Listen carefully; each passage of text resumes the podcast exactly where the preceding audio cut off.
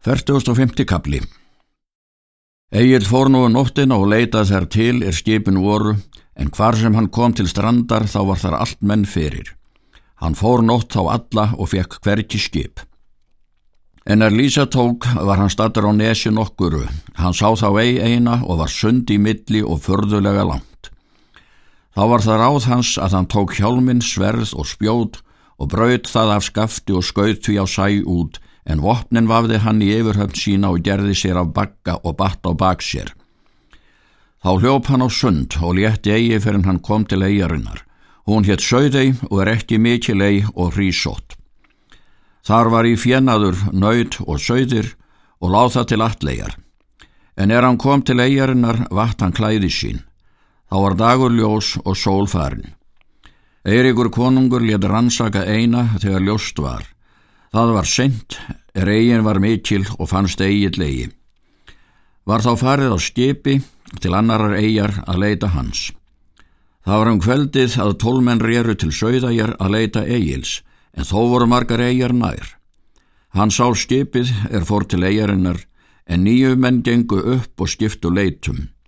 Egil hafi lagst niður í hrísjuð og falst áður en skipið kom að landi. Nú gengu þrýri hverja leit en þrýri gættu skipsins og er leiti bara á milli þeirra og skipsins þá stóða Egil upp og gekk til skipsins. En er þeir er skipsins gættu fundu Egil fyrr en Egil var komin að þeim. Hann hjó einn þegar banahögg en annar tók á rás og var þar að hlaupa á brekku nokkura. Egil hjó eftir honum og af honum fótinn en hinn hljóp á skipið og stakk við forkinum en Egil dró að sér festina og hljóp út á skipið og skiptust þeir Egil lengi höggum við áður Egil drap hann og rak hann útbyrðis. Þá tók hann árar og reri á brott skipinu, fór hann þá nótt alla og daginn eftir og létti Egil fyrir en hann kom til Þóris hersis. En Ölvi og förnauta hans létt konungur fara í friði af þessum sökum. En er þeir menn er í söiði voru, þá voru þeir þar margar nætur og drápi fér til matar sér, tóku eld og gerðu seiði. Þeir gerðu svo mikið að sjámátti heim, lögðu þá eld í og gerðu vita. En er það var séð, þá var róið til þeirra. Konungur var þá í brott, fór hann þá til annarar veistlu. Þeir ölver komið fyrr heim en eigil og voru þeir þórir og þórólfur nýkomnir heim frá brellöpinu. Ölver sagði tíðindi, drá bárðar og þá atbyrðir þar höfðu orðið en hann vissi ekki til ferða Egils og var Þórólfur all ókátur og svo Arnbjörn. Þótti þeim sem hann myndi eigi aftur koma.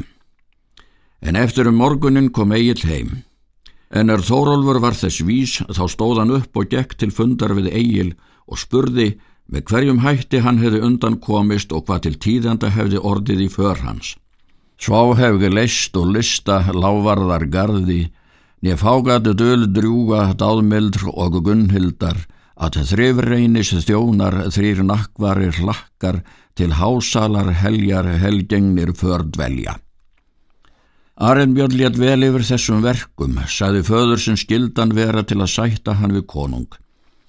Þóris segir, Það mun vera mál manna að Bárður hafði verleika til þess er hann var drepin en þó er agli of mjög ættgengt að sjást of lítið fyrir að verða fyrir reyði konungs en það verður flestum mönnum þungbært.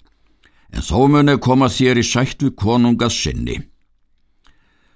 Þórir fór að fund konungs en Arimbjörn var heima og hvað eitt skildu yfir þá líða alla.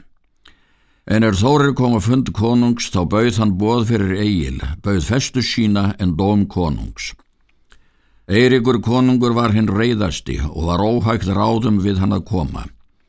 Konungur mælti og hvað það myndu sannast er fadir hans hafi sagt, að sent myndi meg að tryggja þá frændur, bað Þórir svo til haga, þó vel gerir sættun okkura að eigil sé ekki langvistum í mínu ríki, en sagir þín Þórir, mun ég fjötaka fyrir menn þessa.